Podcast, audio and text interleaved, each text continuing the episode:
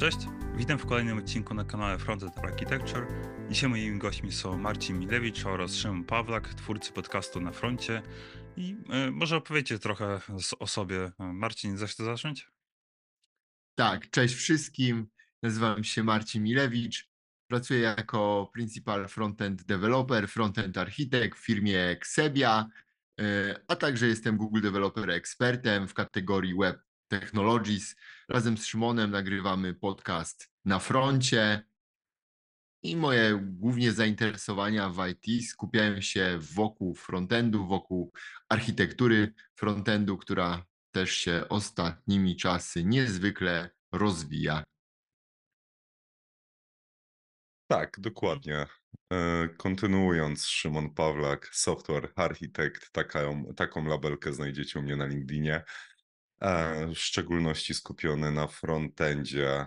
Wspólnie z Marcinem nagrywamy podcast na froncie. Zachęcam do posłuchania. Mm, Ja również zachęcam, też byłem gościem e, dwóch odcinków. E, Bardzo fajny podcast e, i, po- i polecam ze swojej strony. A dzisiaj będziemy rozmawiali o modularności i porozmawiamy sobie zarówno e, czym, mm, czym jest moduł, czym jest ta modularność. E, Myślę, że też zahaczymy o tematy związane z DDD. E, Porozmawiamy sobie, czy w ogóle to ma sens na, na froncie, z czym to się je. E, Więc zapraszam do, e, do odcinka. I właśnie, może bym już tak zaczynając. Najpierw bym spróbował odpowiedzieć na pytanie, co to jest moduł. I jest sobie, mm, otworzyłem tutaj definicję z Wikipedii i jakby mm, na Wikipedii jest jakby e, programowanie modularne, e, tłumaczę tak z angielskiego. e, To jest jakby mm, technika, która polega na tym, że piszemy, tworzymy kod modułowy w takich mm, niezmiennych modułach, które są, które zawierają wszystko i ten moduł zawiera wszystko, co jest niezbędne, aby jakby funkcjonować, tak? Czyli mamy jakiś taki mm, niezależny byt, e, czyli tutaj już mamy jakieś granice takiego modułu, tak? Czyli po prostu to jest niezależność e, jakby tą granicą, że on jest niezależny, no i, e, no i możemy po prostu i to jest jakby skończony zestaw funkcjonalności. I, mm, i co wy o tym myślicie? Szymon, zechcesz zacząć? Tak, dokładnie. Jeżeli chodzi o. Ja bym to rozgraniczył na dwie rzeczy. Notabene troszkę zaczęliśmy o tym rozmawiać przed samą nagrywką, czyli mamy moduł jako koncept po prostu e, tworzenia oprogramowania. No i w naszym świecie JavaScriptowym moduł, który istnieje per se jako technikalium, tak? Patrząc na to z perspektywy konceptu, to co ty przedstawiasz, to co Wikipedia nam daje jako definicję, nic dodać, nic ująć. Czyli w takim idealistycznym e, świecie moduł zawiera w sobie wszystko to, co potrzebuje do niezależnego działania. A na samym końcu efektem tego, czy owocem tego jest to, że ten moduł możemy sobie wywalić, możemy go podmienić i to nie powinno wpłynąć, znaczy inaczej. E, Podmiana wpłynie i wywalenie, bo tego nie będzie. Ale nie powinno zepsuć aplikacji, ponieważ to, co jest potrzebne, jest w środku tego modułu. Jako koncept. A o technicznych aspektach jeszcze chyba za chwilkę porozmawiamy. Ja jeszcze tutaj dodałbym, że moduł, owszem, zawiera wszystko, co potrzebuje, ale też nie zawiera niczego więcej, bo to też warto dodać. Bo tutaj, jeżeli będziemy mówić, pewnie dzisiaj będziemy mówić o tym szukaniu granic modułu, o eksploracji e, takiej biznesowej, no to raczej cie, częściej zdarza, zdarzają nam się błędy, że te moduły są za duże, aniżeli za małe. Przynajmniej ja to tak z doświadczenia widzę, że to często te przeładowane domeny, czy przeładowane moduły, gdzie, które nie są zbyt takie e, samowystarczalne, są problemem, Mhm. aniżeli te malutkie fragmenciki. Mhm. E, tak, ja jeszcze od s ze swojej strony bym dodał, znaczy ja przynajmniej tak rozróżniam trochę na moduły powiedzmy tak takie biznesowe i moduły może techniczne, tak? I już mówię o co mi chodzi. Bo e, kierując się tą definicją, to jeżeli sobie weźmiemy komponent, na przykład select, tak? No to on, e, jako e, on się wpasowuje do tej definicji, tak, że to jest niezależny jakiś element, który po prostu ma wszystko, co działa, tak? Więc jeżeli wchodzimy już na takie kwestie techniczne, to możemy po prostu zejść na poziom komponentów, tak? Ale mamy też, e, powiedzmy, kwestie biznesowe i teraz moduł e, może być całą domeną, na przykład biznesową lub jakoś częścią e, domeny biznesowej, tak? Czy jakoś sko- skończoną funkcjonalnością czy jakimś procesem biznesowym, który jest po prostu zamknięty w jakichś granicach. I, i, i jakby widzę tutaj takie dwie różnice, nie? że bardzo często po prostu to się przesiąka, bo na przykład mamy, może mieć e, sam design system, tak? I tam design system też może mieć po prostu być całym modułem, tak? Ale wewnątrz po prostu jeszcze może mieć mniejsze moduły, jak na przykład, nie wiem, select, input i, i, i tak dalej. Więc ta definicja jest taka bardzo ogólna, i tak naprawdę można mm, ją przypisać do bardzo wielu rzeczy.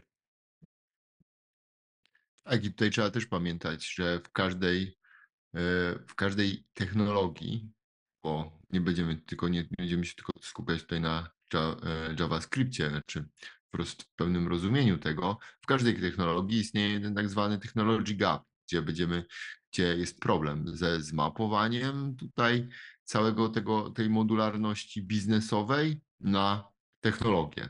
Tak? I w sumie, jakby nie patrzeć, to w różnych technologiach my staramy się odwzorować jakąś kon- tą, tą konceptualność samych modułów.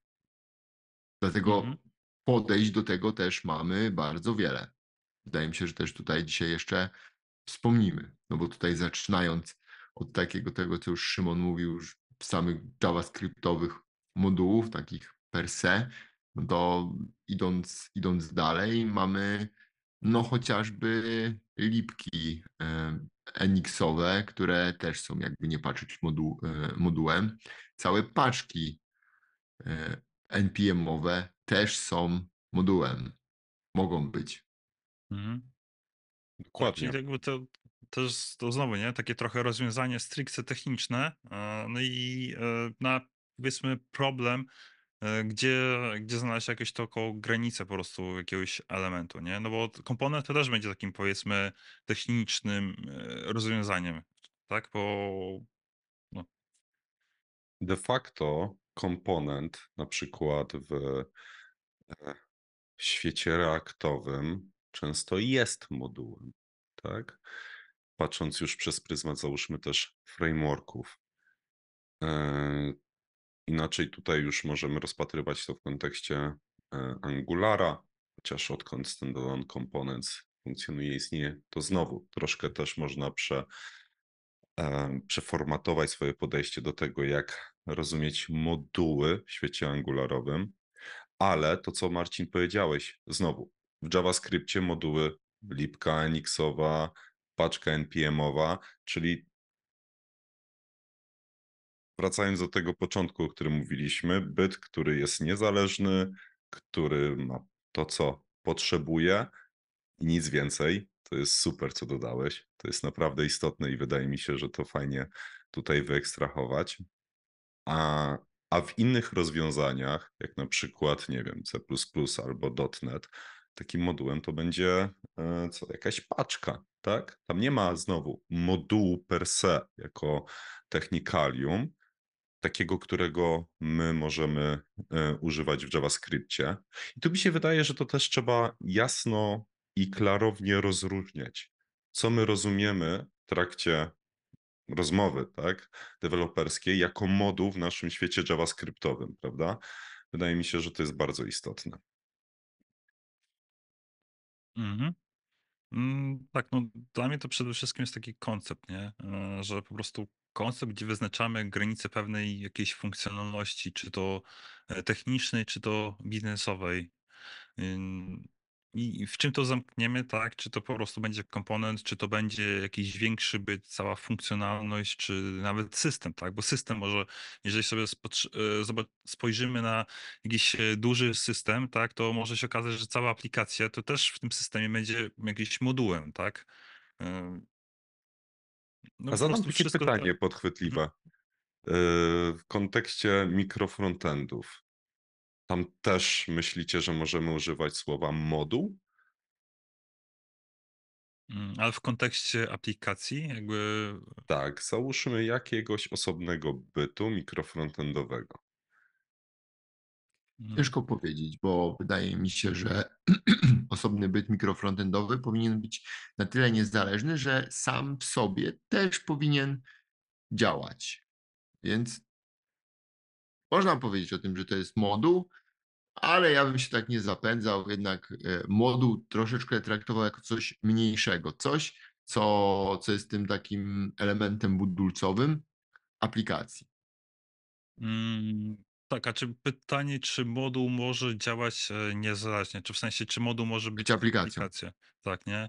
E, Może, Jeżeli pe- tak, to. pewnie może, to pewnie. no, no, to takie. Znaczy, wydaje mi się, że to już jest trochę takie dewaganie na zasadzie po prostu de, de, definicji, nie? E, Czy. e, Czy, czy to po prostu jest tym, czy, czy, czy, czy to nie jest tym?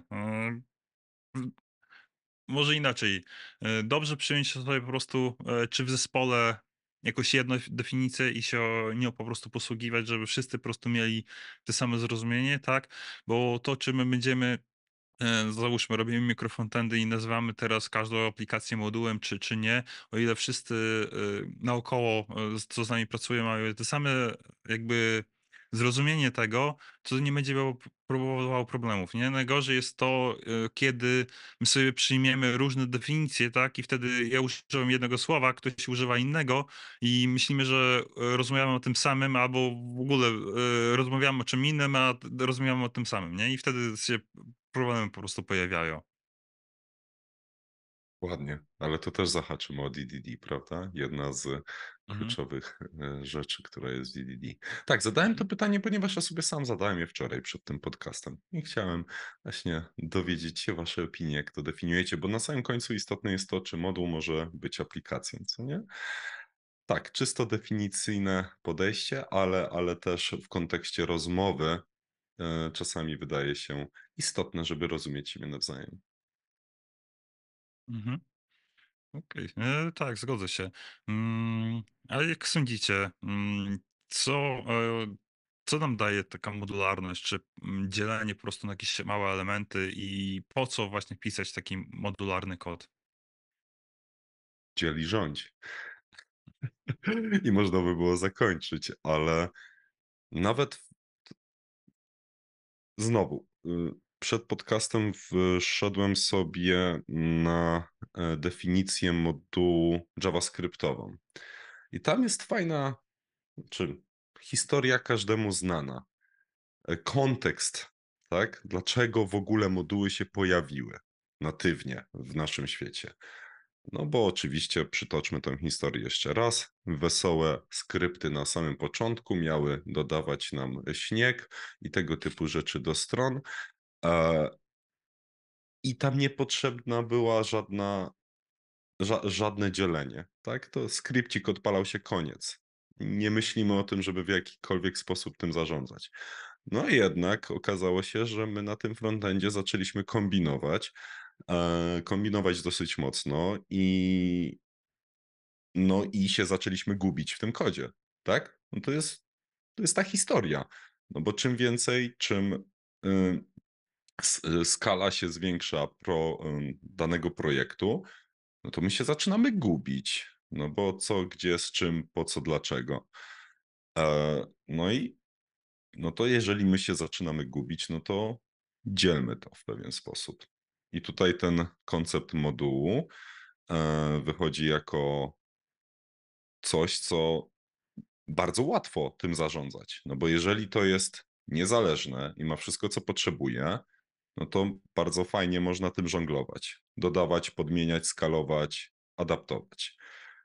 Eee, No i wydaje mi się, że to jest taka podstawa.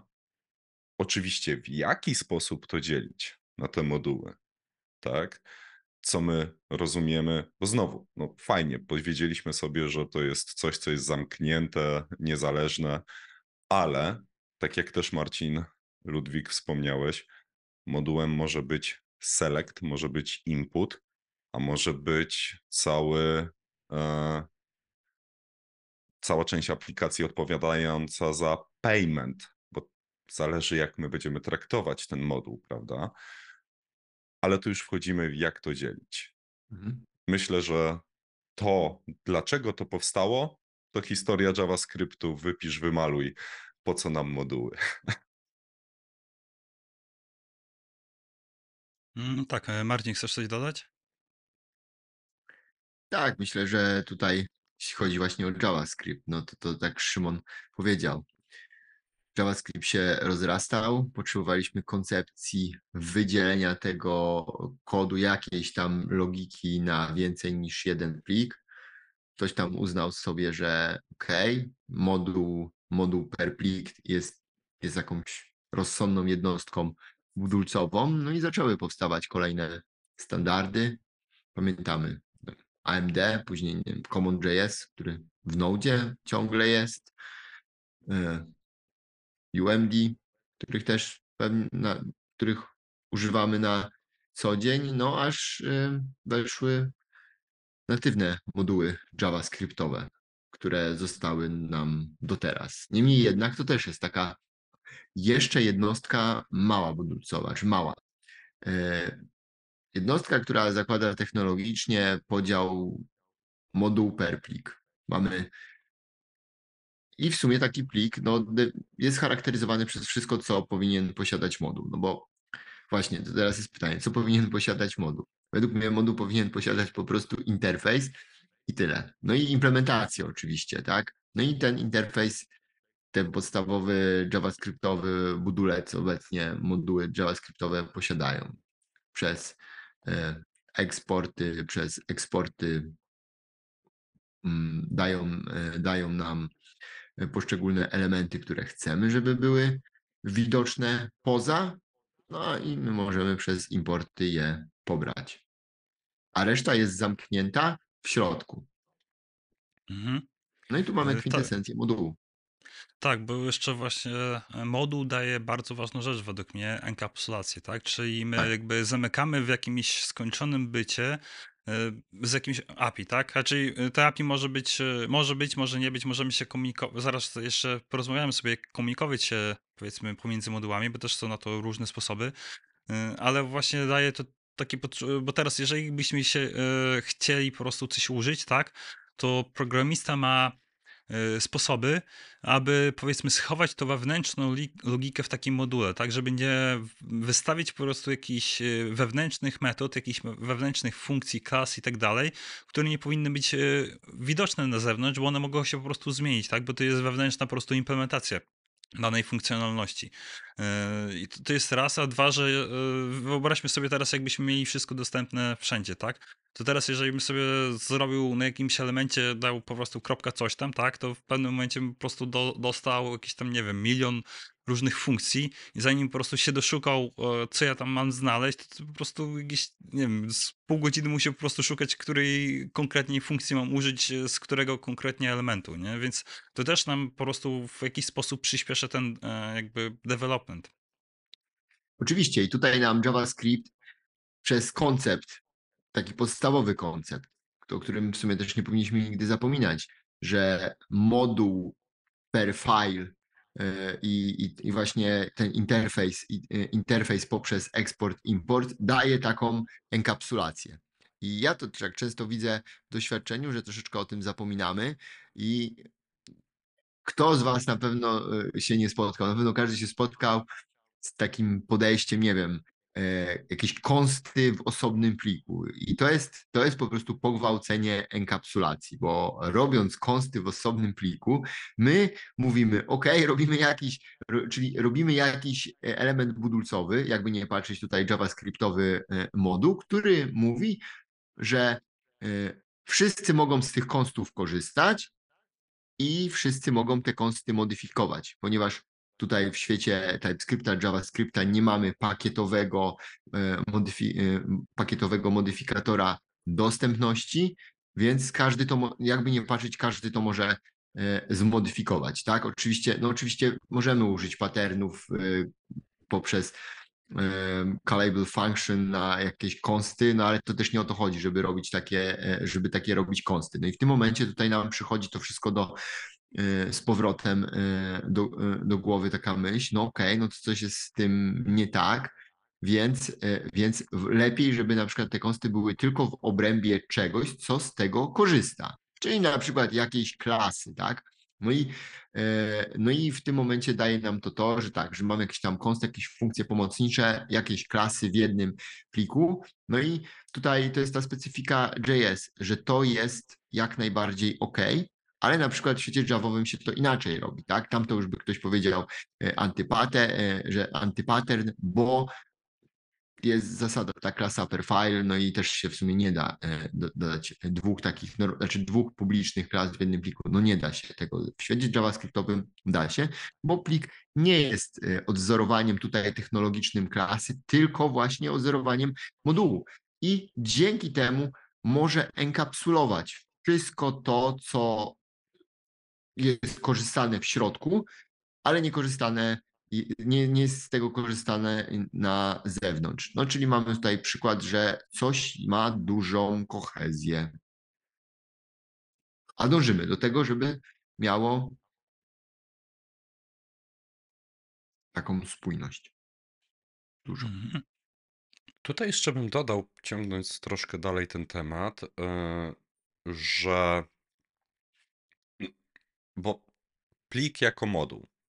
Mhm. Możemy tutaj jeszcze no, techniki mamy jak barrel import, gdzie możemy rozszerzać ten koncept o to, że grupujemy te importy z różnych plików, Mhm. definiując, hej, to jest tylko to, co my chcemy wystawić i z tego bierzcie i e, no, żeby nie, e, nie dyplomatycznie zabrzmiało, e, nie będę mówił e, dalej, ale tak, że taki mamy koncept, który też jest w pewnych wypadkach niebezpieczny. To też trzeba umieć zarządzać barrel importami, chociażby w kontekście circular dependency łatwiej wpaść w, w, w, w taką e, pułapkę i troszkę niezrozumienia tego kodu, ale tak, w sensie jasne, moduł jako per plik, ale barrel importy jako coś, co daje nam pewne rozszerzenie, że możemy tym zarządzać.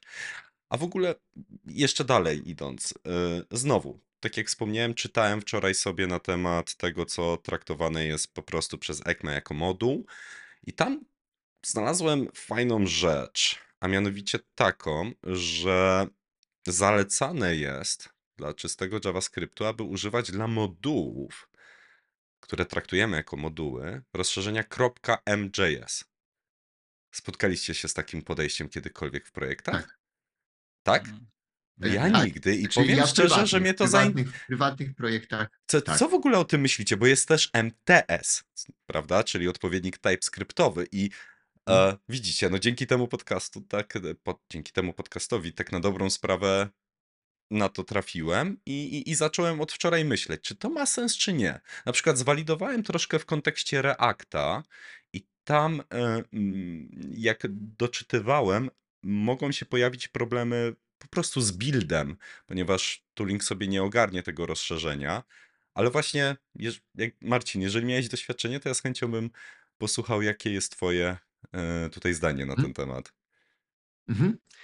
Y, Ja używałem tylko w tym, w tym momencie, kiedy bez, y, pisałem sobie jakiś kod bez frameworkowy, gdzie stricte używałem ECMA, ECMA modules i żeby to zaznaczyć, tak, że y, i odróżnić y, jasno od ECMA modules. Podobnie jest jak z rozszerzeniem CJS dla common, dla common JS-owych rzeczy w paczkach nodowych.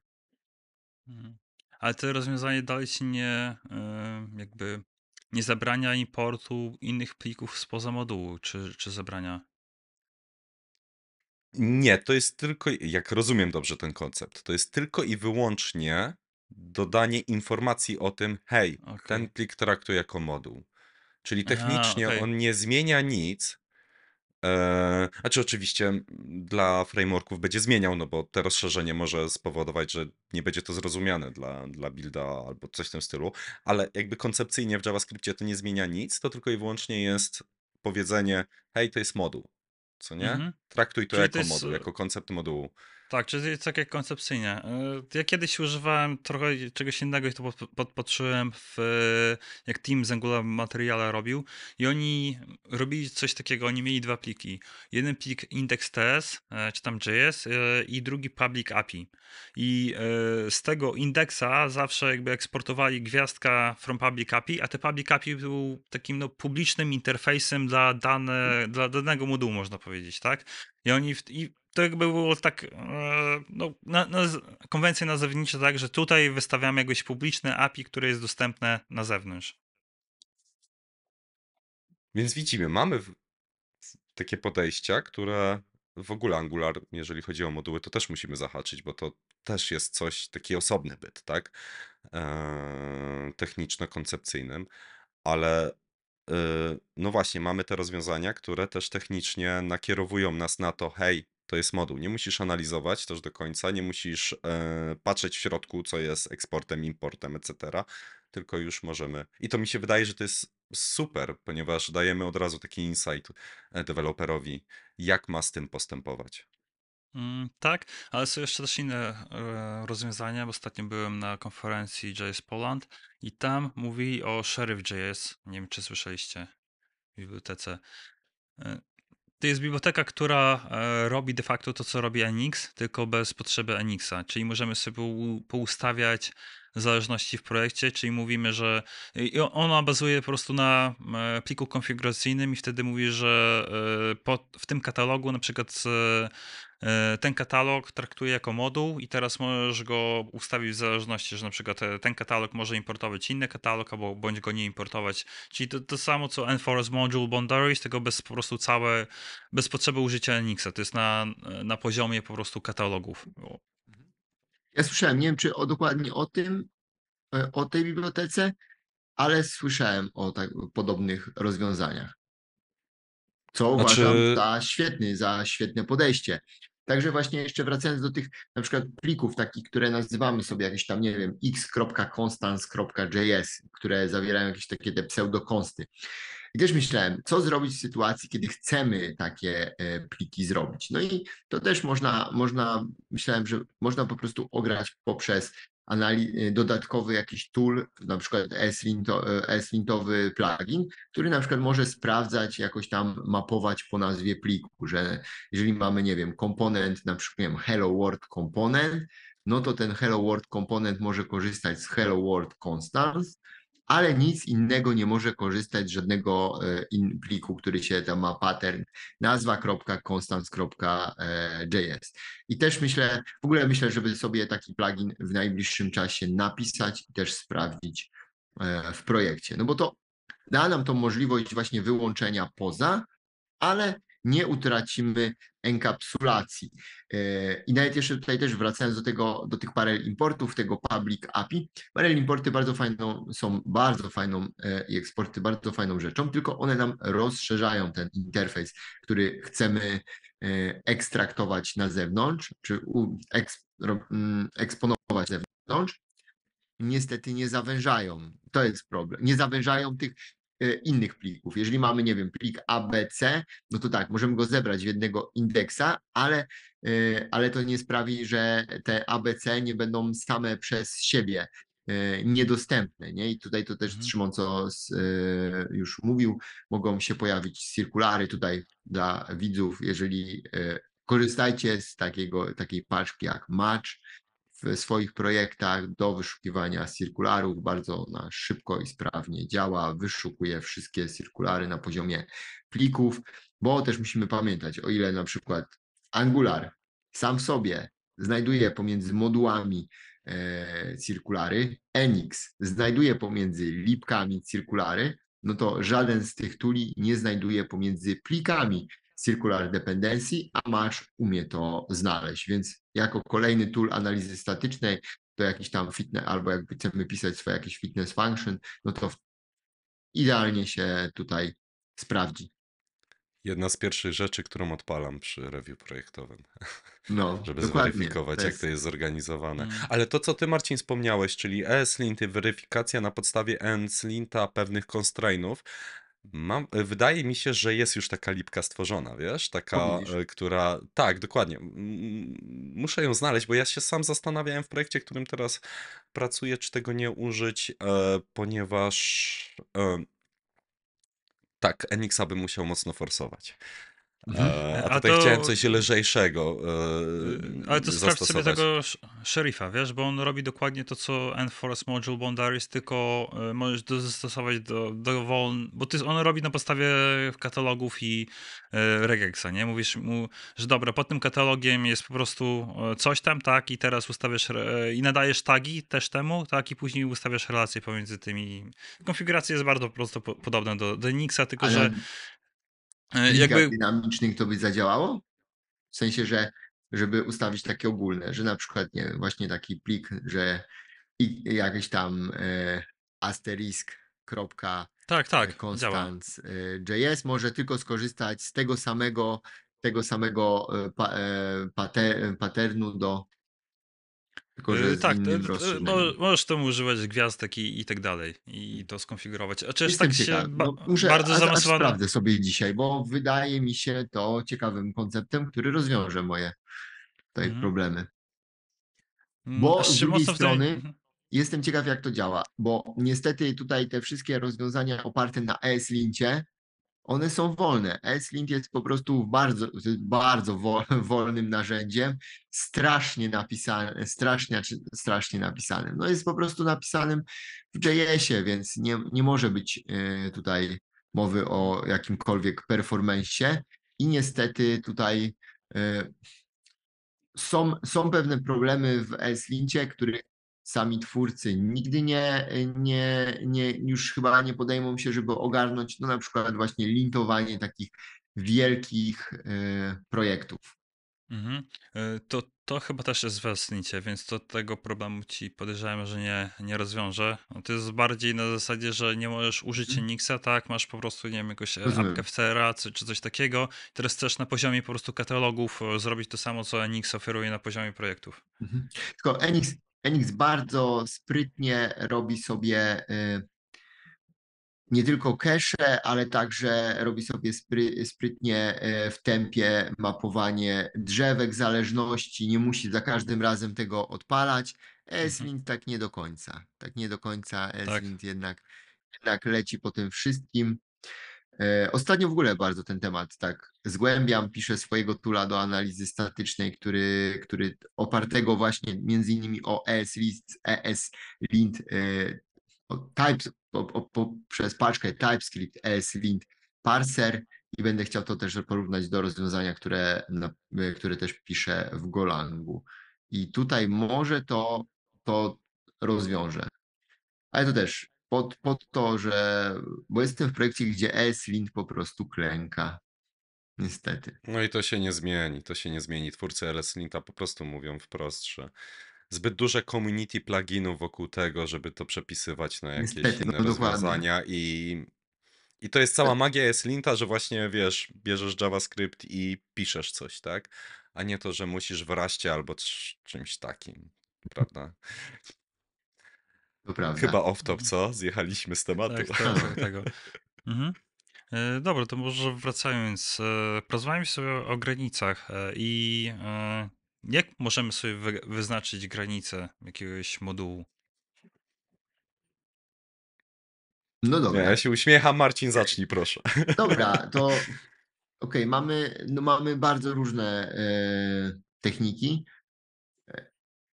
i zasady. Ja bym tutaj, zanim przejdziemy do technik e, z DDD, no to też może warto wspomnieć e, o takich zasadach jak nie wiem, Common Reuse Principle, czyli e, de facto to, co już dzisiaj powiedzieliśmy, że moduł, moduł zawiera to, co potrzebuje i nic więcej. Czyli nie wymuszamy na użytkownikach do pobierania zawartości takiej, której on nie potrzebuje. No i teraz taki przykład, no to tak teoretycznie brzmi.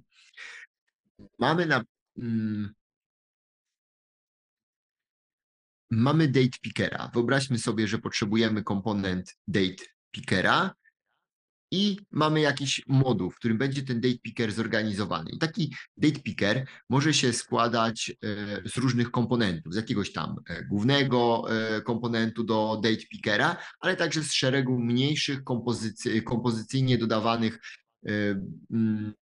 komponentów, nie wiem, które będą odwzorowywać jakieś wyświetlanie dnia bądź, e, bądź wyświetlanie pop-upa przy zmianie tych dni, zmianie, e, zmianie e, lat. I one są wszystkie razem, tworzą, wszystkie te komponenty razem tworzą spójną całość, więc są w jednym module, w jednej paczce, już niezależnie jak tutaj technicznie ten moduł, moduł wykorzystamy, bo jest bardzo duże prawdopodobieństwo, że ktoś korzystając z funkcjonalności Date Pickera będzie korzystał z różnych tych komponentów. Oczywiście nie musi, ale będzie. I tutaj w opozycji e, antyprzykład, czyli antyprzykład to takie popularne shared libraries, jak nieraz w projektach można spotkać, gdzie nie wiem, mamy select, e, type ahead, e, checkbox i one wszystkie są one wszystkie są e, w barel, e, w barel e, eksporcie umieszczone jako ten shared, shared moduł. I ktoś, kto chce skorzystać z Selecta, to od razu pobiera kod checkboxa, mimo że zupełnie dwie inne rzeczy i, i może tego checkboxa nigdy w życiu w projekcie nie być, ale, ale razem pobiera. Więc tutaj to jest pierwsza rzecz. Sprawdzamy, co jest i gdzie jest bardzo duża, pra, duże prawdopodobieństwo tego, że coś będzie ze sobą wspólnie e, użytkowane, a jeżeli nie będzie, no to nie jest tym e, modułem. E, kolejną zasadą, którą tutaj możemy też przyjąć jest Common Closure Principle, czyli to jest taki odpowiednik zasady SRP dla świata dla świata w sumie i modułów, i świata większy, większych takich bytów, czyli e, tak jak mówi reguła SRP, że tylko powinien należeć jeden, e, być jeden powód do zmiany, e, do zmiany czegoś. I, i tutaj oczywiście o tej, jeżeli mówimy o tej zmianie, no to już mówimy o takiej większej zmianie, czyli powiedzmy zmianie jakiejś tam zmianie funkcjonalnej, tak? I teraz nie wiem, no, cofnijmy się znowu do tego przykładu, co podałem. Tak, mamy, nie wiem, mamy checkbox i mamy select i jeżeli my w projekcie, nie wiem, UX designer stwierdzi, że, że e, selekty mają inaczej wyglądać, ale checkboxy dalej tak samo mają e, wyglądać, jak wyglądały, no to samo to też przez się mówi. Selekty i checkboxy są, muszą być w innych modułach, no bo jeżeli był powód do zmiany selektu, no to tylko ten select ta, ta paczka z selectem ma się zmienić. I tutaj e, idą za tym konsekwencje, czyli konsekwencje wersjonowania, które też, też jest wyzwaniem dużym w projekcie, jeżeli mamy, jeżeli mamy jakieś tam e, biblioteki komponentów, no bo jak to wszystko e, wersjonować. No i często się okazuje, że najlepiej, że najlepiej, może nie najwygodniej, ale najbezpieczniej wersjonować na przykład właśnie per jakąś paczkę per jakiś moduł, a przynajmniej te wersjonowanie na poziomie minora, no bo też, jeżeli nam się coś w selekcie zmieniło, no to my nie powinniśmy jednak wypuszczać e, nowej paczki z checkboxem, w którym się nic w którym się nic nie zmieniło. Oczywiście na to jest mnóstwo wyjątków, żeby być spójnym, więc ten major najczęściej razem zostaje, ten major grupuje te wszystkie zmiany w różnych tych poszczególnych e, modulikach, ale raczej jeżeli widzimy sobie jakiś taki moduł, no to też ten numer release'u może, może nam da, dawać, y, dawać jakąś tą y, te boundaries, nie? Nawet idąc dalej. Jeżeli mamy jakąś aplikację, gdzie jest, gdzie jest na przykład dla użytkowników moduł learningowy i moduł i moduł do zarządzania na przykład tymi użytkownikami korzystającymi z learningu, no to tak naprawdę no to, to są y, to są zupełnie inni aktorzy tutaj e, w, w tych dwóch funkcjonalnościach. I też, jeżeli chcemy coś zmienić w learningu, nie powinniśmy, nie powinniśmy ruszać modułu zarządzania. Oczywiście za tym idą, tutaj idzie cały ten kontekst mapping, tak, że użytkownik le- learningowy to nie jest użytkownik, nie jest użytkownik e, tego, w którym, e, do którego zmieniamy w module do zarządzania nim. Gdzieś tam oczywiście na samym końcu to się musi jakoś tam wiązać jakimś ID-kiem, bo jednak to jest ta sama osoba, ale zupełnie inny ten e, abstrakt. No i to jest no, też z tym releasowaniem, no to zasadę mamy, to jest e, release equivalence e, principle. I tutaj trzy podstawowe zasady, myślimy o nim, o nich i one już nam coś dają. Nie są idealne, nie powiedzą nam o wszystkim, ale na pewno powiedzą więcej niż nic i często będą, do, wyst- i często będą wystarczające w jakimś stopniu. Mhm. Mm, Szymon, chcesz coś dodać? Zastanawiam się, no bo tak, dotykamy teraz tematu, który jest ogromny, jest po prostu ogromny i niewyczerpalny i teraz taką esencję, e, cały czas się zastanawiam, co by było takie esencjonalne, żeby tutaj przedstawić i powiedzieć na ten temat. No bo konceptów mamy dużo, prawda? Jeżeli chodzi, no już zaczęliśmy mówić o DDD, tak? No Marcin już tutaj kroczkami wchodzi w ten świat DDD, no bo już mówiąc na przykład o tych modułach, to co też zauważyłeś, znaczy to co powiedziałeś Marcin, czyli że e, moduł learning, y, y, nie pamiętam, ale chodzi o kontekst, prawda? Czyli pro, albo produkt może być czymś innym wyświetlanym dla stronie produktu do kupna dla użytkownika, a czymś innym może być w koszyku, tak? No bo tam potrzebuje mieć inne te mm, cechy, czyli mm, podatki, waty, tego typu rzeczy, a mm, cechą dla klienta, który kupuje, będzie to, czy jest ładne, czerwone, kolorowe i wesołe, tak? Eee, I teraz tak, i tutaj możemy właśnie myśleć o tym wszystkim jako. W ogóle też fajne zdanie wczoraj przeczytałem, y, że mm, to co powiedziałeś Marcin, to też znowu muszę bardzo mocno wyartykułować, że single responsibility, bardzo fajnie powiedziałeś o tym, że jeden powód do zmiany, to jest coś, co wydaje mi się, że nie jest aż takie oczywiste dla wszystkich. W sensie my trochę inaczej mm, traktujemy single responsibility, jako że to ma mieć jedną jakąś tam funkcjonalność. Okej, ale ten powód do zmiany to jest, to jest te clue, tak? Czyli jaki team może przyjść i coś na przykład chcieć zmienić, prawda? I tutaj jakby, bo brzmi bardzo to skomplikowanie, ale e, fajną rzecz też przeczytałem, jak te single responsibility w jakiś sposób rozeznać. To, że mm, jak zaczynasz tłumaczyć, co robi ten moduł i jest ale, dodatkowo, jeżeli, e, no to, to, to, to już jest zły moduł, co nie? W trakcie opisu. Wydaje mi się, że wiadomo, to nie do końca, ale w pewien sposób można to tak traktować, że moduł już tak generycznie bardzo powinien robić jedną rzecz i robić ją dobrze.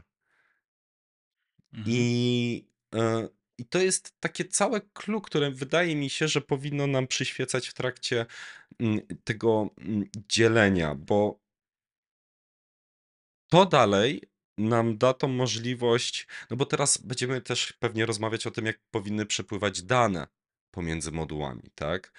Eee, bo to, jak sobie je enkapsulujemy i jak my zamykamy te funkcjonalności, to jest jedno. Patrzymy na te zasady, które ty, Marcin, wspomniałeś, i sobie w ten sposób to robimy. A teraz mamy kontekst użycia i e, e, właśnie data flow w tym wszystkim. Czy to będzie bidirectional, czy to będzie unidirectional, czy to będzie. No właśnie, i tutaj znowu, idąc tą ścieżką, mm, wydaje mi się, że bardzo istotną zasadą jest to, żeby dbać o ten przepływ danych. Y, Jako rzecz, która będzie nam pokazywać, jak ten przepływ jest znowu tak troszkę może mm, na oględkę, ale od ogółu do szczegółu. Czyli zaczynamy od po prostu czegoś, co jest najbardziej generyczne, przechodząc w szczegóły, i wtedy nie, nie, chcę powiedzieć, że nie możemy, ale starajmy się, unikajmy tego, żeby ten kierunek zmian przepływu informacji był w drugą stronę. Mamy do tego pewne techniki, o których pewnie też za chwilkę sobie porozmawiamy. Eee, ale tak, myślę sobie, że to jest fakt, który Marcin przedstawił, czyli modułowości, jak to podzielić. Później popatrzmy na to z perspektywy tego, jaki mamy przepływ danych w aplikacji, prawda? I to też nam powinno dawać pewien sposób myślenia, jak to podzielić i jak to ze sobą poukładać w hierarchii plików. Mhm. Mm, Zgodzę się z wami, e, znaczy, zgodzę się z wami e, i tak jeszcze, ja, ze swojej strony może spróbuję tak e, mm, to przedstawić w taki bardzo prosty sposób. On będzie taki może trochę znaczy, ograniczony, nie wiem, znaczy uproszczony, tak? I mm, ja bym to rozróżnił na dwa główne scenariusze. Po pierwsze moduły techniczne i moduły biznesowe, bo w obu przypadkach będziemy mieli trochę inne granice. I teraz, jeżeli sobie weźmiemy moduł techniczny, na przykład Select, to tam e, granicą będzie mm, funkcjonalność. Ona e, nie musi być biznesowa, tak? Czyli teraz na przykład e, taki Select po prostu dostaje jakieś dane i on po prostu te dane wyświetla i będzie miał jakiś po prostu callback, na, na który gdzieś tam zareaguje, tak? I teraz no, granicą będzie po prostu to funkcjonalność i to, co e, Szymon powiedziałeś, tak? On będzie robił jedną rzecz dobrze. On po prostu będzie wyświetlał element na stronie i będzie e, umożliwiał interakcję z tym elementem, tak? I w przypadku takich technicznych e, jakby elementów, to to, co Marcin powiedziałeś, jest bardzo dobrze rozbić na atomowe jeszcze na mniejsze elementy, tak? Bo może się okazać, że jedna osoba użyje selecta, ale na przykład będą tym zdefiniowane jakieś opcje, a inna osoba będzie chciała swoje własne na przykład jakieś komponenty przekazać jako opcje, a jeszcze inna użyje jeszcze w jakiś inny sposób. I, no i, i możemy iść dalej. Nie możemy mieć po prostu jakiś design system, możemy mieć input, możemy jakieś formularze, e, jakieś konkretne, na przykład kontrolki formularza i tak dalej, nie? I to jest jakby taki as- aspekt mm, techniczny i mam aspekt biznesowy, nie? I tutaj już po prostu ta granica będzie e, inna i e, myślę, że tak upraszczając można by spróbować e, przyjąć, że taką granicą będzie ekran czy zbiór ekranów e, realizujących jakoś określoną funkcjonalność w jakiejś, e, przy użyciu podobnego słownictwa, tak? Czy, czy mm, pi razy oko realizujące jakiś proces mm, biznesowy, tak? Czyli mamy na przykład jakieś składanie zamówienia i to składanie zamówienia się składa z pięciu ekranów i wtedy e, to można przyjąć, że jakaś jest nasza granica modułu, tak? Jeżeli nie, nie jesteśmy w stanie tego lepiej zrobić, tak? No bo możemy, e, im więcej się ma doświadczenia, to już później i raczej intuicyjnie będzie w stanie po prostu e, w stanie mm, określić tę granicę, tak? Bo się okaże, że na przykład to za, składanie zamówienia jest jeszcze mm, częścią jeszcze czegoś większego, tak? Albo może można użyć e, jakby technik typu event storming, ale e, właśnie jeżeli ktoś nie ma jakiegoś za dużego doświadczenia, to myślę, że można przyjąć sobie po prostu taką najbardziej mm, uproszczoną definicję, tak? Jeżeli coś kilka jakichś ekranów wchodzi w skład jakiegoś procesu, to można wtedy e, spróbować to jakby zamknąć w jakimś po prostu module, tak? I później z, z czasem, jeżeli na przykład będziemy mieli problemy między komunikacją mie- z tymi modułami, tak? Bo patrzymy, że e, dobra, tu jest jakieś kilka formularzy, ale teraz e, te formularze pobierają dane z różnych jakichś elementów, tak? To jest jakaś pierwsza oznaka, że okej, może nasze te granice te, takiego prostu modułu e, nie są dobre, tak? Może po prostu ten nasz moduł powinien być czymś większym, mniejszym, może on po prostu być inaczej, trzeba go jakby inaczej jakby sformułować. Tak. Tak, jak, nie, tak, jak najbardziej. To też, y, to też jest to, że, że nie, nie, tylko, nie tylko najczęstszym problemem jest to, że moduły są za duże, ale też są takie problemy, że mogą być właśnie za małe, że robimy, jest, robimy z większą granularnością, ale później koniec końców i tak wszystko od wszystkiego zależy i zamiast mieć tą dużą kohezję, no to mamy duży coupling pomiędzy niby, Mhm. niby niezależnymi jednostkami, które jak się okazuje jednak są we wszystkim zależne. Mhm. Tak, bo jeżeli już właśnie idziemy w kontekście DDD, nie, no to w, w DDD mm, domena powinna być niezależna, tak? Czyli teraz e, nie powinno być się następować, czy w idealnym świecie, nie? To, to komunikacja pomiędzy domenami nie powinna następować, czyli po prostu mamy jakiś moduł, usuniemy go po prostu, tak, i nie, nic się nie stanie w naszej aplikacji. Czy ona, ta komunikacja może występować, yy, ale, o, inaczej, może występować, ale powinny być na przykład e, robione za pomocą eventów, tak, czyli nie powinno być e, jakieś bezpośredniej m, takie wywołanie, tak, bo teraz jeżeli usuniemy sobie jakąś domenę, to nagle się okaże, że e, musimy jeszcze cały nam system zaraz się wywali, tak? A jeżeli mamy całość to zrobione na podstawie eventów, no to no, inny, powiedzmy, kawałek systemu nie dostanie jakiegoś tam eventu na, na, e, z czegoś tam, tak? Ale ogólnie aplikacja dalej będzie działała. I to jest jakby też pierwsze wyjście później do mikrofrontendów, tak? Bo jeżeli mamy to dobrze zrobione, no to po prostu ta dobrze wydzielona domena, ona jest jakby pierwszym kandydatem na to, żebyśmy mieli po prostu z tego niezależną aplikację, nie? A jeżeli będziemy mieli taki bezpośrednio odwołanie do tego, tak? Czyli ja sobie teraz e, bezpośrednio pobieram coś tam ze, ze Stora, powiedzmy z innej domeny, albo z Reduxa, albo globalnego Reduxa i tak dalej, no to wtedy już się to robi problematyczne. Tak, Tak, jak i tutaj dodając to, co ty Marcin powiedziałeś, ta za, za, za, za duża granularność jest problematyczna.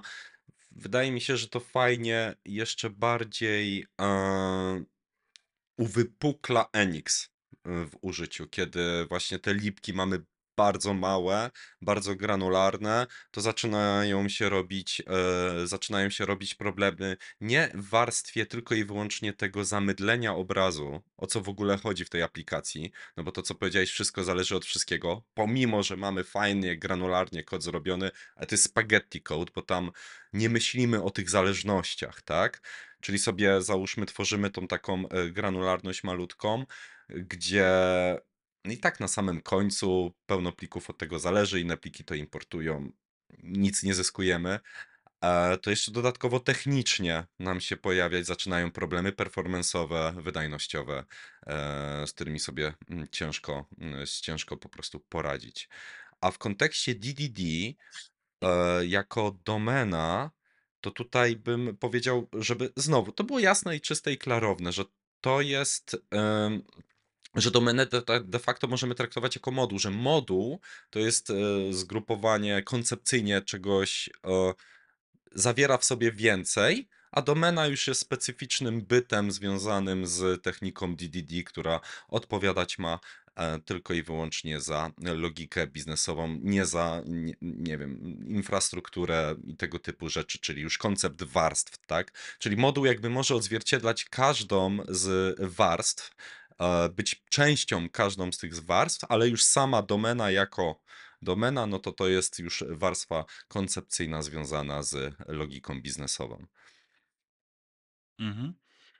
Y, Jeszcze bym do tego dodał, że, mm, że tak, bo jakiś czas temu rozmawiałem ze znajomym właśnie też e, o, o DDD i on powiedział taką fajną rzecz, e, czym, czym się różni DDD na backendzie i czym się różni na, na frontendzie. I DDD na backendzie e, jest w głównej mierze to, jak często się zmieniają dane. E, I teraz, e, tak, czyli po prostu te wszystkie wzorce taktyczne, agregaty, entity, value obiekty, bounded konteksty, one są wszystkie mm, powstały po to, aby w jakiś sposób wyenkapsulować to, te procesy, jak często się zmieniają dane. I teraz, jeżeli na frontendzie nie będziemy mieli logiki biznesowej, tak, czyli robimy jakieś aplikacje, które tylko kaszuje dane i nie mamy tam żadnych jakichś skomplikowanych logiki, że coś ktoś kliknie się przelicza, oblicza i tak dalej, y, no to nasz mm, e, to jakby naszą granicą najprawdopodobniej będzie to, jak się często zmienia ekran e, jakiś, tak? Bo już nie, nie, nie tyle dane, bo dane to, to powiedzmy, dane, jeżeli my mamy logikę biznesową, nie? No to wtedy tak, ale frontend to jest o tyle, powiedzmy, mm, i skomplikowany i prosty, bo z jednej strony mamy to, jak często się zmieniają dane, tak? Bo, znaczy, dan, e, dane, tak? E, W momencie, kiedy mamy logikę biznesową, ale przede wszystkim, jak się często nam zmienia ekran, tak? Bo teraz przykładowo y, mamy jakiś, e, załóżmy, ekran e, z powiadomieniami. I na tym ekranie e, mamy teraz filtrowanie po lokacjach, tak? Ale ktoś tam dodał filtrowanie po urządzeniach. Ale na, na przykład na, na backendzie to już jest w ogóle jakiś osobny mikro, mikroserwis, który nam zwraca tę listę urządzeń. I on, u nich to jest na przykład w ogóle osobny zespół, można na tym pracować, tak? E, A już na frontendzie to się jakby wszystko zazębia, nie? I, e, I to, że ktoś dodał powiedzmy już jakąś kontrolkę, która ma w ogóle mm, jakby jest częścią innego systemu, tak? No to u nas po prostu ta e, zrozumienie powiedzmy tej domeny może być e, inne.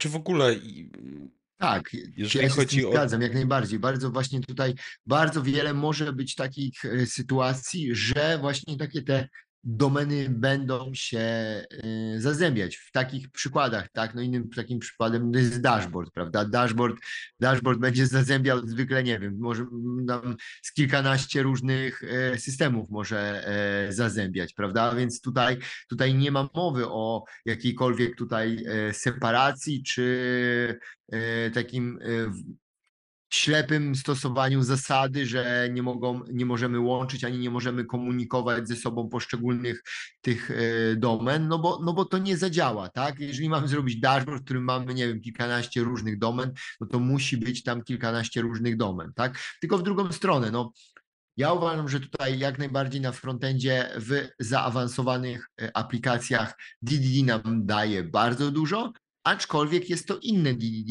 i tego i wszystkiego tego nie używamy, tak? Bo o Mhm. tyle, ile na przykład, nie wiem, w DDD backendowym mamy, mamy różne, e, bardzo różne systemy, nie wiem, robimy wzorzec, porty adaptery, bo mamy różne bazy danych, mamy różne tutaj e, podłączone do mm, podłączone do backendu, dzięki temu, że, że chcemy mieć to agnostyczne, robimy repozytoria. OK, na frontendzie tego nie mamy, bo my mamy dwa systemy. Mamy, mamy po prostu frontend i mamy i poprzez RESTA komunikujemy się z tym, z, war- z backendem, tak? Czyli tam, jak mamy na przykład, nie wiem, na backendzie porty i adaptery i mamy całą e, backend, który idzie do bazy danych, no to my tak mamy na froncie tak naprawdę wszystko to, co jest po po tej drugiej, e, po tej drugiej stronie od tym, e, co, co by było adapterem, ale wciąż na tym małym wycinku możemy wykorzystać bardzo dużo zalet, które daje nam DDD, chociażby takich zalet jak właśnie techniki kontekst mappingu, chociażby jak technika bounded kontekstów. I tutaj, tu jeszcze dzisiaj nie pojawiło się, no i techni- a technika bounded kontekstu, no to jest podstawowa i najlepsza technika właśnie do zarządzania tym, tym wszystkim na frontendzie i na tej modularyzacji. Oczywiście wszystko, wszystko to zależy i jeżeli mamy ma, małe aplikacje, no to pewnie nie będziemy inkorporować tutaj żadnych takich, e, żadnych nie będziemy robić eksploracji e, domen, nie będziemy tutaj stosować kont- e, żadnego kontekst mappingu, bo jeżeli mamy małą aplikację, która coś rzeczywiście tam wyświetla, modyfikuje, to szkoda czasu. To jest duża szansa, że taką aplikację napiszemy w miesiąc, dwa, trzy, sześć i ona będzie działać i, i tyle. I to ona nie, nie będzie jakoś super rozszerzalna, więc szkoda tutaj inwestować czasu. Ale jeżeli mamy duże, yy, duże aplikacje, takie naprawdę duże aplikacje, gdzie te frontendy to są, to są setki tysięcy linijek kodu, no to tam yy, no ja nie jestem sobie w stanie naprawdę wyobrazić, żeby, żeby była jedna taka domena, subdomena, która ma setki tysięcy linijek kodu. Zazwyczaj w takich dużych aplikacjach są odrębne domeny i już tam trzeba wiedzieć, co i jak można zrobić, no bo w tych b- aplikacjach będą występować niestety błędy i taka typowa architektura, gdzie wszystko ze wszystkiego korzysta, gdzie, gdzie tam już abstrakując, bo y, jak to tam strukturalnie w folderach będzie umiejscowione, bo to jest mniejszy problem, no ale no to nawet jakby odwołać się od tych folderów, no to tam nie wiem, przez 10 folderów będą, będą dependencje leciały krzyżowo we wszystkie strony, jeśli nie będziemy umieli o to zadbać, jeśli nie będziemy znać tych podstawowych zasad z DDD i w ogóle nie, jak, jeśli się nie zajmiemy tym po prostu, po prostu na takiej zasadzie, jak nam, e, e, jak nam DDD daje. Czyli tak też podsumowując, to jest DDD nam bardzo wiele daje, ale w życiu nie możemy sobie myśleć, że to jest jeden do jeden mapping, bo to, to, to by było przegięcie i tego się nie da zrobić, bo nie mamy tych, nie mamy agregaty na frontendzie, no średnio, no średnio, no średnio. Nie ma, nie ma, żad, nie ma use case'ów, nie ma, nie ma tutaj, nawet nie ma co porównywać jakoś. No oczywiście, jeśli się chce, można, ale po co? Nie ma takiej raczej Mhm. potrzeby, no nie ma, po prostu, po prostu nie ma. Ale już te wszystkie techniki biznesowe jak najbardziej. Separacja domen jak najbardziej, bo to nam coś da. A koniec końców wszystko, wszystko zależy też od driverów architektonicznych i od tego, co chcemy osiągnąć. Jeżeli driverem architektonicznym jest tutaj skalowalna, duża aplikacja i wizja rozwoju e, wieloletniego, przez wiele osób, a czy wizja, no zazwyczaj też się driver architektoniczny nie robi na wizję, bo drivery architektoniczne się zmieniają. Więc to nie powiem, że to jest wizja, tylko na przykład plan, tak? Wiemy, że wiemy, że za, za miesiąc będziemy mieć 10 osób zatrudnionych i, i mamy roadmapę na dwa lata i wiemy, co robimy, tak? No to to będzie pewnie duża aplikacja, więc, więc już tam dbamy. No i tutaj no, takie no, te podst- podstawowe kwestie, może takie konkretne teraz bym jeszcze też podał, no, że em, żeby e, to, co często właśnie nie jest zauważane w świecie frontendowym, bo, bo pomijamy te DD, no to to jest te, ta wieloz, wieloznaczność różnych zagadnień, o co mi chodzi. E, mamy na przykład, nie wiem, słowo choinka, tak? Choinka, choinka może być, choinka może być w lesie, gdzie może być kategoryzowana e, jako element las, element lasu, element zagospodarowania lasu e, i typu lasu, tak? Choinka może być też w tym samym lesie, ale w jakimś, e, ale przeznaczoną pod wycinkę, żebyśmy ją mogli do domu kupić e, i postawić sobie, teraz mamy okres świąteczny, więc stawiamy choinki, tak? Ta sama choinka może już być w tym domu i mamy system do ubierania choinki, tak? Do projektowania ubierania choinki. To już jest zupełnie inna choinka. No i na samym końcu jeszcze mamy choinki zapachowe w autach, tak? Które też są choinkami, też się nazywają choinkami i też w kodzie będą się nazywać choinkami. E, I to jest też taki problem z samym tym nazewnictwem, bo często z tym, co ja się spotykam w projektach, to deweloper patrzy, OK, jeżeli coś się tak samo nazywa, to już raczej będzie tym samym, będzie jakoś modelowane w podobny sposób. A to jest oczywiście zupełny y, błąd, bo nie chodzi o to, jak co się nazywa, tylko czym jest. I te nazwy też powinny być jakoś tam, nie wiem, y, od, odróżniane, tak? Ale co nam to daje? Znaczy, kto nam to da? No, da nam to DDD z całym szeregiem metod do tych DDD. Mhm. E, Tak ja Ja bym jeszcze tutaj- dodał... Mhm. Y, Ja jeszcze tutaj dodam, Marcin, bo zahaczyłeś o to, ale to jest bardzo istotne, a mianowicie to, że osoby, które się, y, załóżmy, nie spotkały jeszcze z DDD, a robią frontendy, to jest bardzo istotne, że czytając książkę Evansa bądź inne case study i chcąc adaptować DDD, to co powiedziałeś, na frontendzie nie wszystko będzie miało odzwierciedlenie i naprawdę projekty, e, które są małe, e, zaraz też powiem, jak możemy rozeznać, że są małe. Linii kody to jest jeden z fajnych mierników, który daje nam pewien insight, jak długo będzie dany projekt realizowany, roadmapa, backlog, jak jest przygotowany i tego typu rzeczy. E, to, żeby nie brać tych wszystkich technik DDD, troszkę tutaj pójdę w opozycji, bo naprawdę można pójść ślepy zaułek, rozkminiać rzeczy akademickie, które na samym Mhm. końcu naprawdę nie mają Nie znaczenia i sensu. Co jest istotne, to jest to, że my o modułach powinniśmy myśleć jako czymś, e, co nie jest wyryte w kamieniu. Czyli jeżeli my sobie robimy tą aplikację, naprawdę mamy bagaż rozwiązań, technik i możliwości, które pozwolą nam na e, zarządzanie tym w trakcie i adaptowanie się do tego, co e, realia w danym momencie e, nam dają. Czyli nie bać się, że jak na początku sobie pomyślimy, dobra, to my to podzielimy w ten sposób, bo na stan wiedzy to działa, w sensie to ma największą rację bytu, no a za 3-4 miesiące okaże się, że okej, to jednak my się jeszcze integrujemy, dodajemy cokolwiek, tak? Czyli sytuacja, która była nieprzewidywa- nieprzewidywalna, to jest całkowicie w porządku. Ale co jest istotne, mi się wydaje, tym wszystkim, to po pierwsze, znać te techniki, o których tutaj rozmawiamy i mówimy, ale druga sprawa, to ja to lubię nazywać jako taki rachunek sumienia. Czyli mieć ten czas w projektach, zaplanować sobie cokolwiek, nawet jeżeli nie dostajemy tego od, nie wiem, klienta jako coś, e, takiego bezpośredniego, tak? Jako, jako, jako retrospekcja kodu, to żeby samemu zadawać sobie co jakiś czas pytania, tak? Przejrzeć ten plik, przejrzeć mm, plik, pliki, przejrzeć codebase i sobie zadać pytanie, czy to ma sens? Albo odpalić właśnie tooling, który nam pokazuje zależności i dependencje. Raz na jakiś czas. Bo to jest Mhm. bardzo istotne. Wydaje mi się, że my w, e, z takim zalataniu dowożenia feature'ów po prostu o tym zapominamy i to jest największa bolączka, że my nawet wiemy, jak powinniśmy to układać, ale my musimy dowozić, wszystko jest ważniejsze i później, no, rozjeżdża się. Więc tak dodając do DDD tego, jak tym powinno się zarządzać. Mhm. E, Okej, to jeszcze ze swojej strony, czy tak, na chwilę jeszcze bym wrócił do tego przykładu z choinki, bym go trochę tak wytłumaczył na poziomie te technicznym, bo e, jak to by wyglądało w kodzie, tak? Bo Mamy trzy różne choinki i teraz ta choinka w lesie miałaby na przykład API zetnij choinkę, tak? E, Ale już na przykład ta choinka w aucie, no, no nie zetniemy tej choinki, tak? Jeżeli będziemy mieli metodę, no to co, co my tu, tu zet- zetniemy, nie? To po prostu jest jakaś... Metoda pachnij.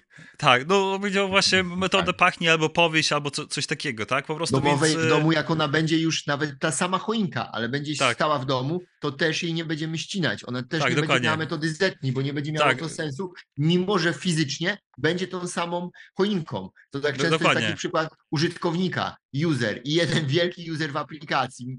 To jest ta sama osoba, fizyczna osoba, ale w kontekście aplikacji to jest bardzo inna osoba, tak? Tak samo Mhm, jak ta choinka. dokładnie. Tak, i, i wtedy mamy w różnych kontekstach, mimo że to jest ta sama nazwa użyta, ale ona robi cokolwiek innego, tak? No bo jeżeli zetniemy choinkę w domu, tak, no to nam się po prostu przywali, bo nie będziemy mieli choinki, tak? I ta choinka będzie miała jakieś tam, nie wiem, metodę, ubierz, e, na, nałóż bombki, zdejmij bombki, czy, czy jakieś tam ozdoby i, i tak dalej, nie? Więc no w lesie, no bez sensu, żeby ktoś ubierał choinkę w lesie, tak? To Dokładnie. jeszcze przy, przyjdzie jakaś sarna, po prostu zje i, i, i umrze. E, A jeszcze wracając Szymon, do tego, co mówiłeś. e, Bardzo fajne właśnie, bo tak, mm, ten przykład z tym, że te domeny się zmieniały w czasie, tak? Bo i to e, e, Evans pisze tak samo e, w tej swojej książce, tak? Jeżeli nasze zrozumienie po prostu jakichś procesów biznesowych się zmieniło, tak? I no to powinno to, powinniśmy to zwierciedlić w kodzie, tak? Jeżeli e, mamy jakąś dodatkową wiedzę na, na ten temat, jak działa system, no to teraz powinniśmy po prostu to zrefaktorować w taki sposób, aby e, ten nasz kod odzwierciedlał ten system. E, I to, co ja u siebie robiłem, mm, to ja. I to, co teraz robię w projekcie, zazwyczaj jak zaczynam, to zaczynam sobie od dwóch domen. E, Jednej domeny współdzielonej, bo to zawsze po prostu będziemy mieli i najczęściej tam też wrzucam typu, rzeczy typu e, jakieś kontrolki, UI i tak dalej.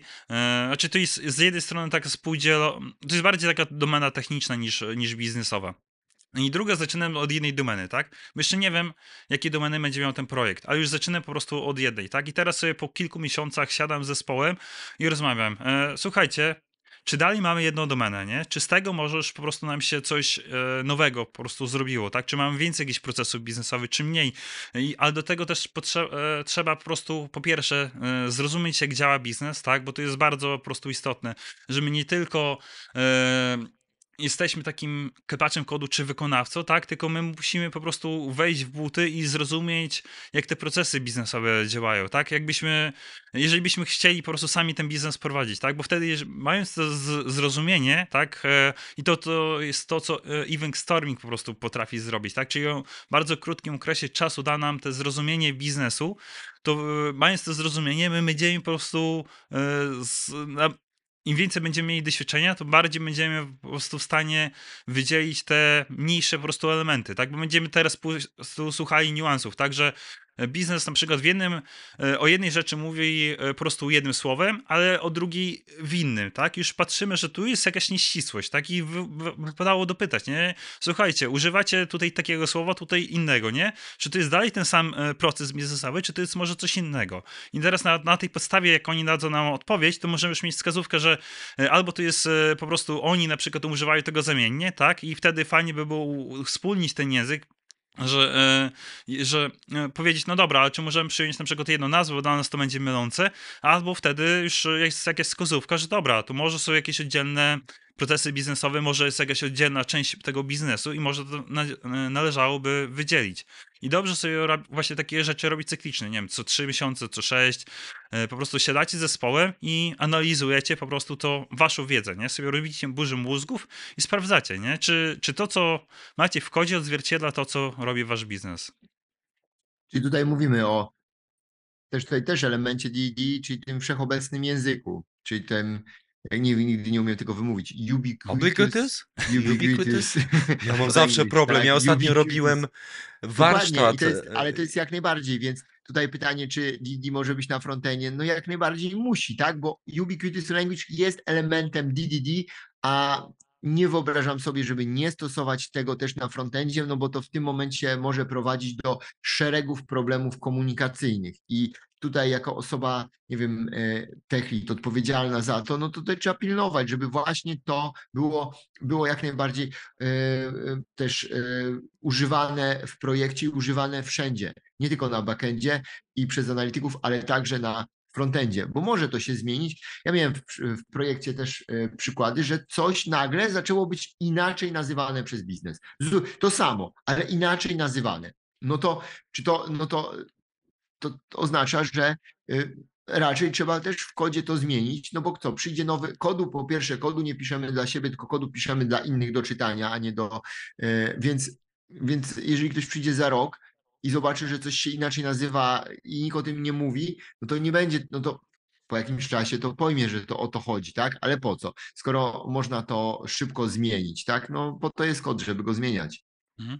Tak, jeszcze dodam z takich protipów, e, to mm, dokumentujcie to słownictwo, tak? E, Jeżeli biznes używa Mhm. jakiejś e, konkretnej nazwy, to dajcie to sobie do readme, opiszcie, tak? I, i używajcie, raczej po pierwsze, żeby ta nazwa miała odzwierciedlenie w, w kodzie, a po drugie, żeby gdzieś było dokumentowane. Bo teraz dojdzie jakaś nowa osoba w projekcie, to ona zobaczy, dobra, tu jest taka nazwa, e, później usłyszy, że biznes o tym mówi, później znajdzie to w kodzie i z bardzo po prostu szybko będzie w stanie połączyć te elementy, tak? A jeżeli teraz e, nie będziemy mieli tego nigdzie napisanego, e, spisanego, biznes będzie o tym samym mówił e, za pomocą pięciu różnych e, fraz, a w kodzie w ogóle po prostu będzie jakaś nazwa techniczna, tak, to, to zanim my dojdziemy, że po prostu to, to jest to samo, to to mogło w niektórych przypadkach lata po prostu minąć, tak? E, Po prostu ktoś będzie na tyle długo w projekcie, że w końcu zaja, e, jakby zajarzy, że okej, to oni mówią o tym, a tu nas jest to w kodzie, nie? Ale, ale po co tyle czasu tracić na to?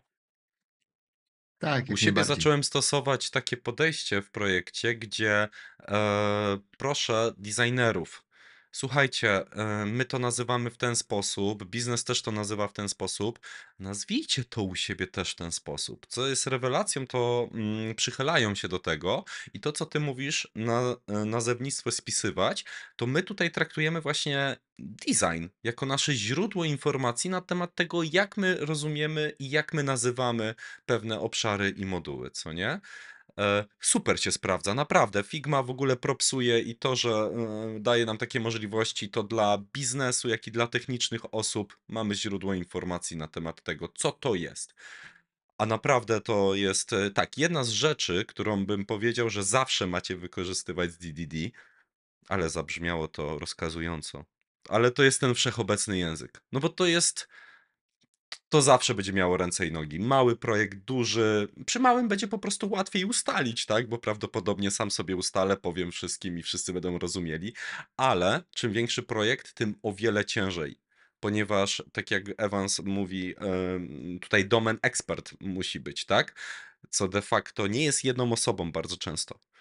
Domen ekspert to jest w N osobach. I my często, naszą rolą jest to, żeby rozeznać, co to są za osoby i je po prostu, że tak powiem, kolokwialnie za fraki wziąć i wspólnie zacząć rozmawiać. Hej, jak ty to nazywasz? Co ty to przez to rozumiesz? Jaki to jest obszar aplikacji? I dogadajmy Mhm. się. E, Tak, i bardzo często też się e, może okazać to, że e, to, co my mamy w kodzie, to jest y, w ogóle to co innego niż y, to, jak powinno działać, tak? Znaczy w sensie, że tam brakuje jakichś y, elementów, bo jak się teraz zacznie przechodzić na przykład ten proces, używać tego wspólnego słownictwa, tak, to patrzysz, że wiesz co, ale my tu jeszcze coś tam robimy, jakieś rzeczy, nie? Ale ty patrzysz, no ale kurwa, nie ma tego, nie? I wychodzi na to, że system nie działa tak, jak powinien działać, mimo że został w jakiś tam sposób zaprojektowany tam pewnie z najlepszą intencją, tak? E, Więc no, tu też no, trzeba bardzo mocno po prostu, żeby robić DDD, no to trzeba bardzo mocno współpracować po prostu z biznesem, tak? Z tymi e, ekspertami domenowymi. No bo ten system, znaczy to jest kwintesencją DDD, tak, że ten system ma e, robić to, co robi biznes, tak, e, bo mm, jeszcze jest jedna ważna rzecz. Jeżeli wasz biznes nie ma żadnych procesów, tak, to wy nie zastosujecie DDD, bo, bo nie ma sensu, tak? E, Biznes musi mieć jakieś procesy, które zachodzą po prostu w ich przedsiębiorstwie, tak? E, Jeżeli e, no, no, tych procesów po prostu nie ma, no to DDD nie będzie miało sensu. Nie wiem, czy coś chcecie jeszcze dodać? Ja myślę, że chyba ze swojej strony dużo rzeczy po, poruszyliśmy. Każda z tych rzeczy, którą poruszyliśmy, to na pewno można by było rozmawiać i rozmawiać. No chociażby znowu DDD, tak? No książka dosyć duża, Evansa, mamy N różnych publikacji, N różnych zastosowań, wdrożeń. Na frontendzie DDD też, jak wspomnieliśmy, możemy traktować troszkę inaczej. Czytaj korzystać z ograniczonego inwentarza, tak?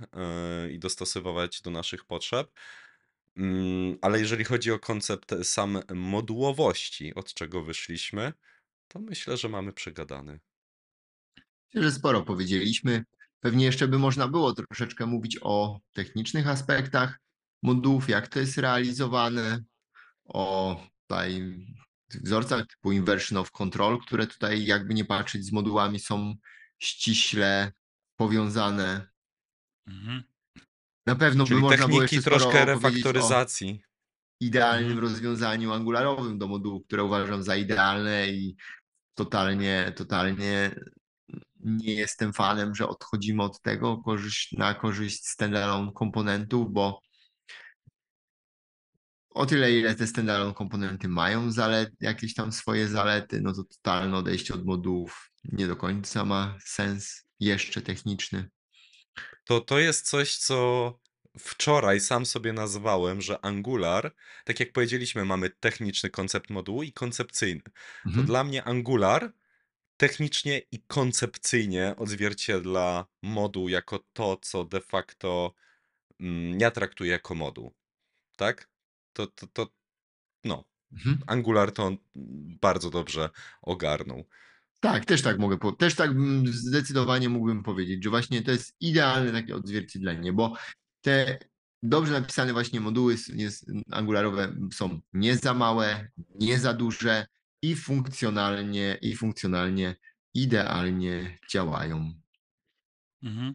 Tak, i też masz e, dużo jakby możliwości em, napisania w taki sposób, że będą nie, niezależne, nie? Czyli, e, że na przykład Tak. e, przez dependency injection robimy, że e, on, e, czyli przez interfejs, tak mówimy, dobra, ten moduł potrzebuje jakiejś konfiguracji, ale używając Mhm. DI możemy po prostu tę konfigurację wstrzyknąć po prostu już w runtime. Tak, on, on nie Tak, musi... tu mamy, mamy Mhm. też te właśnie te też te pewne, to w sumie to jakby nie patrzeć, to jest całe pewne inversion of control, że możemy tokenami, tokenami specyfikować bądź e, abstrakcjami z, z wewnętrznymi prowajderami. Mhm.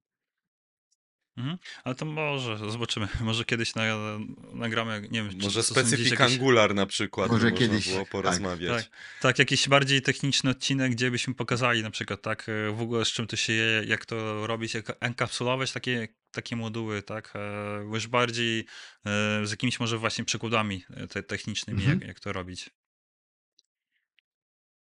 Czyli co, podsumowujemy. Podsumowujemy odcinek. Co, ktoś chce zacząć? Marci może? No dobra. Podsumowując, modularyzacja dla mnie jest, niezwykle ważna i w każdym projekcie, okej, w każdym większym, w każdym większym projekcie, no bo powinniśmy dbać o to. Jeżeli mamy na takie duże, stare, legacy projekty, to najczęściej pierwszym krokiem do tego, aby je odchudzić, aby nadać im nowego życia, będzie właśnie ta modul- modularyzacja, ponieważ ona, dobra modularyzacja stricte odzwierciedla wszystkie takie podstawowe zarówno zasady projektowania oprogramowania, jak i, jak i często odzwierciedla to, co dane oprogramowanie robi biznesowo. Tutaj odwołanie do DDD i mapowania tych wszystkich procesów, więc też ja tutaj wszystkich zachęcam do zgłębiania wiedzy o modularyzacji, o konceptach właśnie takich modułów biznesowych, jak to przekładać na technikalia, bo jest to coś, co frontend deweloper powinien potrafić, bo niezwykle ułatwia to pracę i pozwala na tworzenie naprawdę dobrego, funkcjonalnego kodu. Nic dodać, nic ująć. Bierzmy, korzystajmy. Myślmy o aplikacjach w kontekście tych niezależnych bytów. Starajmy się, żeby one były fajnie zarządzalne. A, I tyle, tak? A możliwości do rozwiązania tego jest N. E, czytaj dużo. Frameworki, tak jak też wspomnieliśmy, narzucają nam też pewne rozwiązania. Zaznajaj, bądźmy na bieżąco z tym, co też frameworki mówią, bo często ich podejścia są po prostu dobre na samym końcu, tak? I dają nam. e, I tu mówię o wszelakich frameworkach, Enixowych, Reactowych, e, Angularowych, cokolwiek, prawda? Tylko musimy to zrozumieć. Musimy to zrozumieć. Po co, dlaczego, jakie nam to daje efekty. Mhm. Tak, no ja ze swojej strony bym powiedział, że e, uczmy się jakby wyznaczać granice, tak? E, metodą prób i błędów, od takich e, kwestii powiedzmy technicznych, tak, że robimy sobie selecta i na przykład tego selecta źle zrobimy, bo on będzie robił za dużo, za mało, tak, i później patrzymy, że coś tam nam w kodzie e, nie bangla, tak, aż po takie kwestie biznesowe, tak, jak też zrobimy jakiś moduł biznesowy i patrzymy, że on teraz się potrzebuje komunikować z jakimiś innymi elementami, to też może po prostu coś, e, coś nie działa. I im więcej po prostu będziemy tego robić, im więcej będziemy sobie za, zadawać pytanie, gdzie jest ta granica, tak? gdzie jest koniec tej funkcjonalności, e, no to mm, no, no, po prostu im będzie, więcej będziemy mieli doświadczenia, tym bardziej intuicyjnie będziemy po prostu w stanie powiedzieć, dobra, e, w tym wypadku to po prostu to ma, mają być trzy elementy, tak? a, w, a w tym to po prostu będzie w ogóle cała funkcjonalność, która zawiera tam x ekranów. I co? I to chyba tyle. E, dziękuję za, e, za oglądanie. Myślę, że mam nadzieję, że się podobało. Jeżeli e, chcecie się coś dowiedzieć więcej, może pojawią się jakieś pytania, to śmiało zadawajcie. Jeżeli się podo podobał mm, odcinek, to dajcie e, łapkę w górę. I do zobaczenia następnym razem. E, Marcin, Szymon, dzięki wielkie za, że zgodziliście się uczestniczyć w, w nagraniu. I cześć. Dzięki bardzo za zaproszenie. Dzięki tutaj widzom za wysłuchanie nas i do zobaczenia kolejnym razem. Trzymajcie się, cześć.